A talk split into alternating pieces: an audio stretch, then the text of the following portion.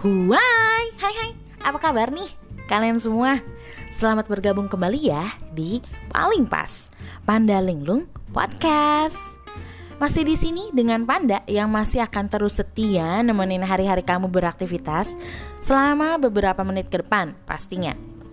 At this moment, gue Panda akan ngebahas hal yang berhubungan dengan misteri mitos. Yap, di setiap negara pasti punya mitosnya tersendiri deh. Tapi kali ini kita akan bahas mitos yang ada di Indonesia. Kenapa? Karena sebenarnya di Indonesia aja itu udah punya banyak banget misteri mitos yang kita tuh nggak tahu itu benar atau enggak, atau mungkin awalnya itu adalah sebuah fakta, tapi karena simpang siur dan berpindah dari satu orang ke orang lainnya kebenarannya itu jadi menghilang dan akhirnya itu hanya menjadi mitos belaka. Tapi parahnya masih disebar-sebar gitu ya. Bahkan kita dari kecil aja sebenarnya sih udah dijejelin banyak banget sama emak kita sendiri ya yang sampai sekarang kita tuh masih inget dan kita nggak tahu itu bener apa enggak Hmm, menarik banget ya. Jadi sebenarnya itu mitos atau fakta. Udah deh, langsung aja yuk kita bahas satu persatu.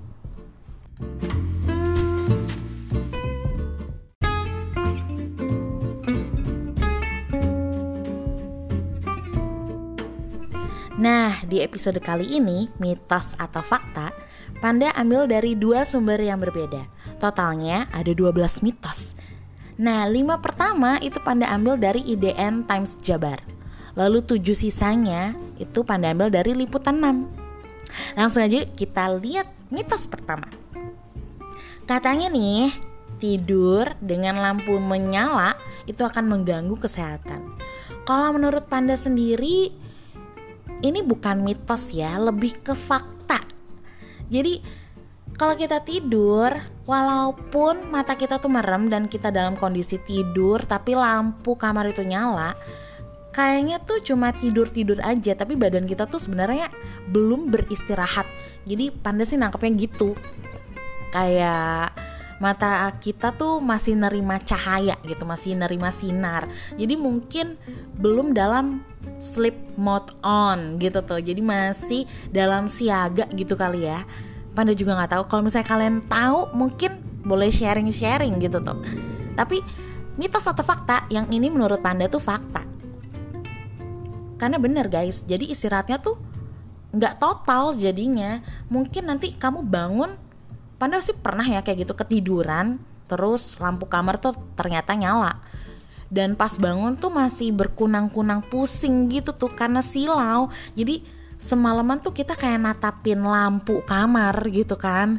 Jadi nggak paling enak tuh dalam kondisi gelap udah deh.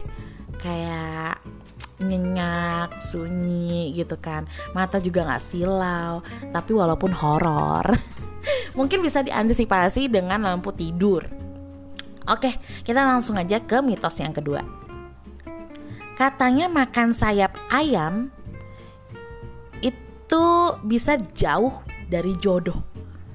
Yang ini sih, aduh jujur, gue belum pernah denger ya. Ini gue belum pernah denger. Ini gue malah baru kali ini gue denger nih. Mungkin yang lain pernah denger, boleh sharing ya. Karena agak where's the logic gitu tuh.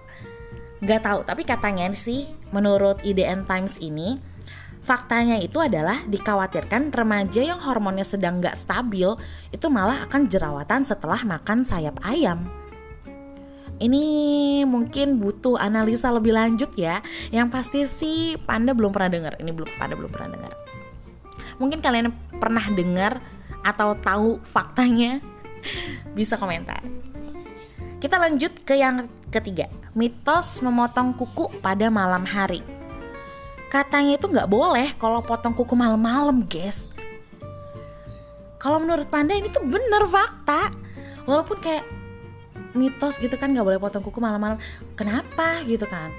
Emang kenapa kok malam-malam nggak boleh potong kuku? Tapi kalau dipikir-pikir ya karena malam gelap cuy.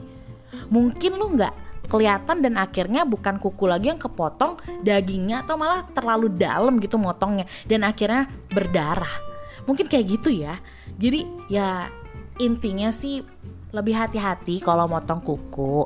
Kalau malam nggak kelihatan, mungkin boleh diantisipasi dengan lampu ya.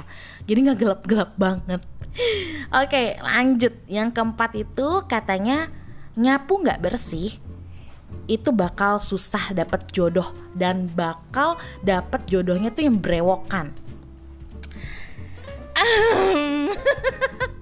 yang ini sih kayaknya lebih ke mitos ya. Kayaknya nggak ada hubungannya antara lo nyapu nggak bersih sama dapat jodoh yang brewokan. Uh, mungkin pesan-pesannya dari mitos ini adalah lo tuh harus nyapu yang bersih jangan nggak bersih gitu tuh. Udah that's it gitu. Mungkin ditambahin embel-embel nanti dapat jodohnya tuh yang berewokan ya biar lo takut gitu dan termotivasi jadi kalau lo nyapu itu bakalan lebih bersih. Mungkin kayak begitu.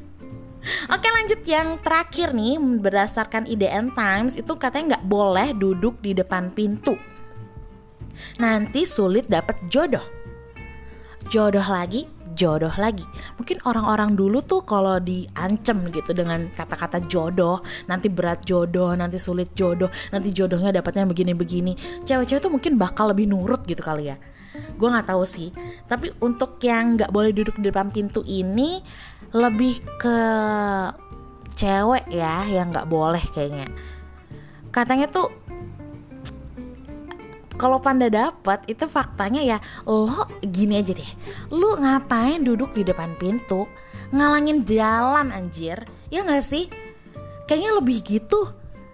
Kalau lu duduk di depan pintu nih ya orang keluar masuk bakal jadi lebih susah. Bener nggak? Logiknya sih itu gitu tuh.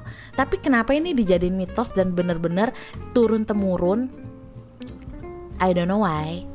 Ya mungkin karena keluarga aja faktor keluarga dari ibu turun ke anak anak turun ke anaknya lagi anaknya lagi turun ke anaknya lagi. Jadinya ya sampai sekarang. Oke deh. Nah itu lima mitos pertama berdasarkan IDN Times.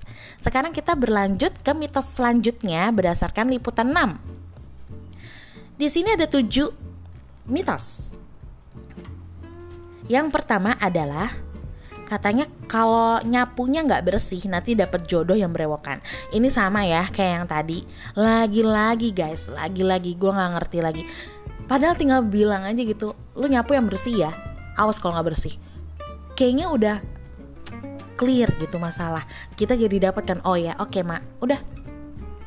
Kalau sampai diancam-ancam gini malah jadi kayak hah? Emang kenapa? Emang iya? Gak tau deh. Kita lanjut aja yang kedua Katanya nih dulu kalau lo nyukur alis lo, lo bisa lihat tuyul.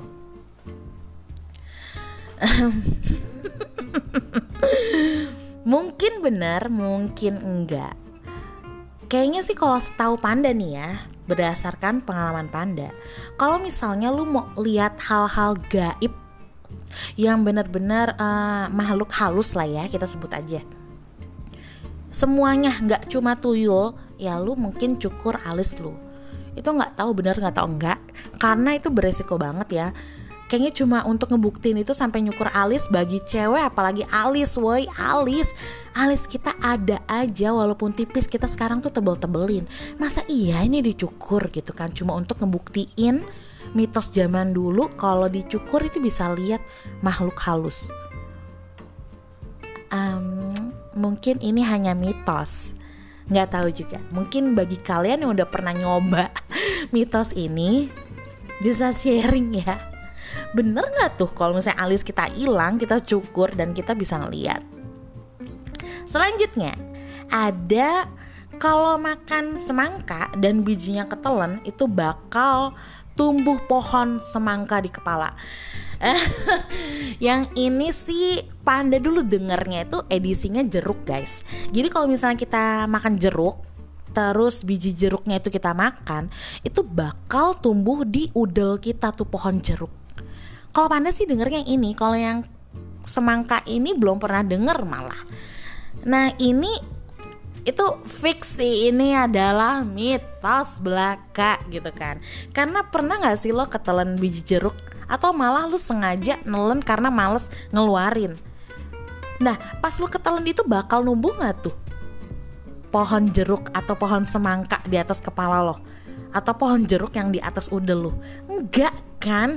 Jadi kayaknya sih ini lebih untuk ke anak-anak kali ya. Jadi untuk ngingetin anak-anak bahkan nakut-nakutin anak-anak kalau jangan kemakan ya bijinya. Mungkin takut ntar ke pencernaan itu jadi kenapa gitu kan? Jadi lebih baik lu nggak makan deh bijinya. Cuma kalau misalnya kita cuma bilang ke anak-anak bijinya jangan ditelan ya.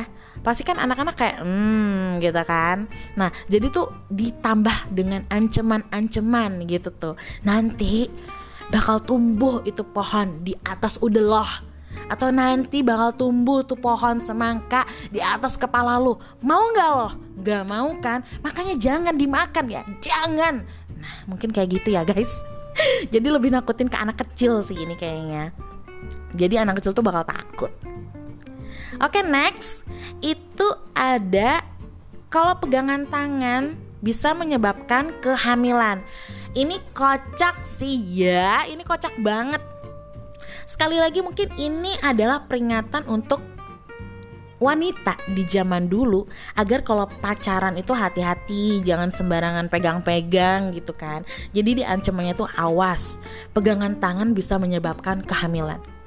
Sebenarnya sih enggak ya kalau dipikir logika itu enggak banget lah. Masa lu pegangan tangan aja bisa hamil coy?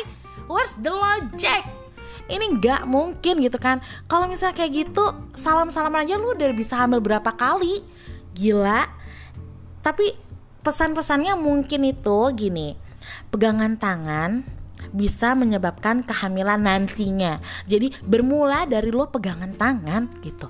Mungkin ini awalnya tuh lo pegangan tangan, terus lanjutnya mungkin pelukan, terus kissing-kissing, terus akhirnya grepe-grepe dan akhirnya berbuat ahem gitu kan dan akhirnya tuh lo hamil. Mungkin ini adalah awas bermula dari situ loh lu nanti bisa hamil gitu kan. Nama baik keluarga itu gimana? Mungkin lebih kayak gitu kali ya.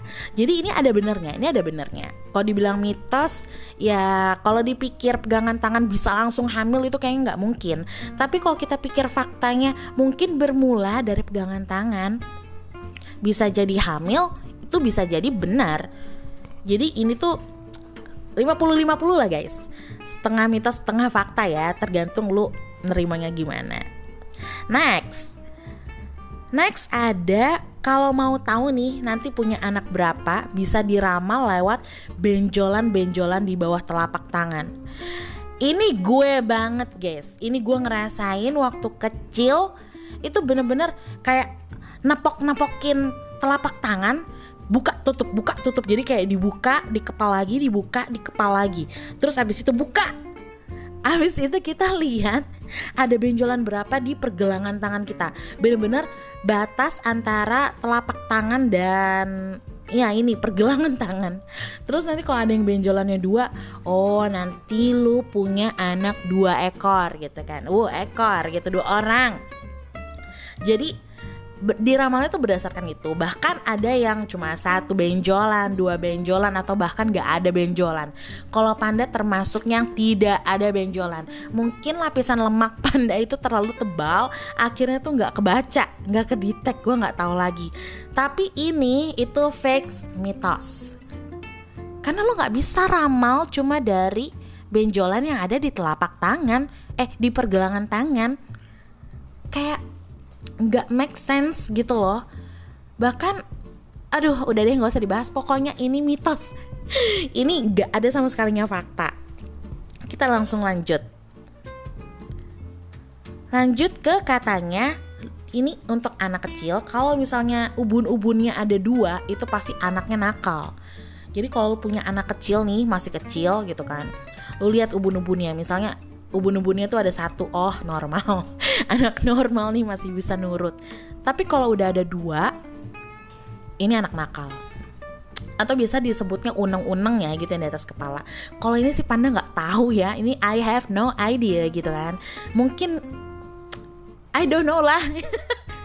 ini benar-benar nggak tahu sih. Benar-benar gue blank gitu. Gue nggak tahu ini bisa dicap sebagai anak nakal kalau punya dua ubun-ubun gitu atau enggak gue nggak tahu sih tapi gue rasa sih uh, dikit ya yang punya ubun-ubun dua gitu gue sih nggak tahu gue seringnya lihatnya cuma satu jadi ini nggak tahu mungkin panda bakal bilang ini adalah mitos nah yang terakhir Katanya kalau gigi bawah copot, buangnya itu harus ke genteng.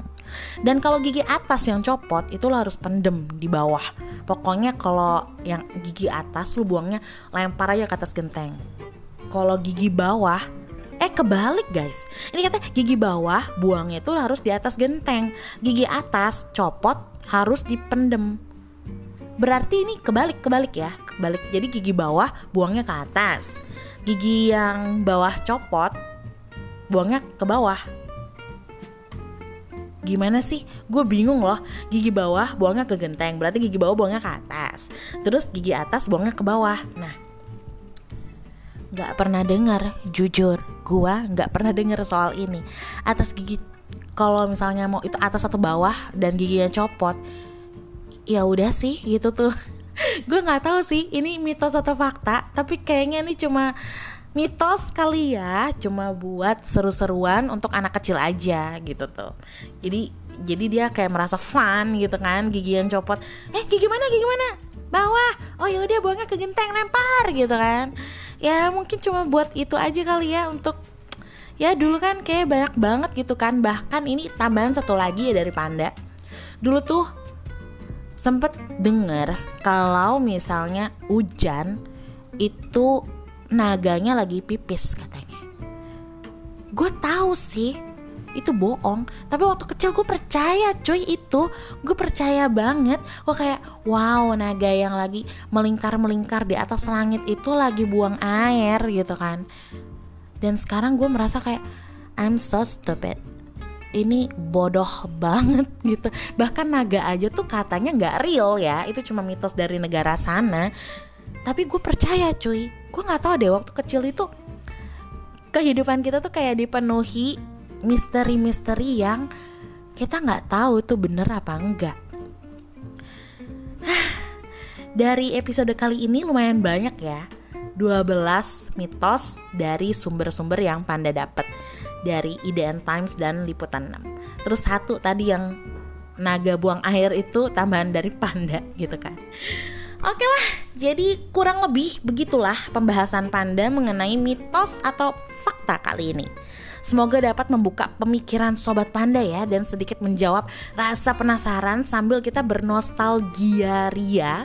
Waktu kecil itu ada mitos apa aja, bahkan sampai sekarang tuh masih keinget. Dan tahu juga gitu kebenarannya gitu tuh nggak ternyata nggak cuma mitos ya ada tujuannya gitu lah. Oke deh sobat tanda semua nggak terasa udah sampai di penghujung episode kali ini see you in the next episode. Yang nggak kalah serunya tentunya. Stay tune only in paling pas. Panda Linglung Podcast. Bye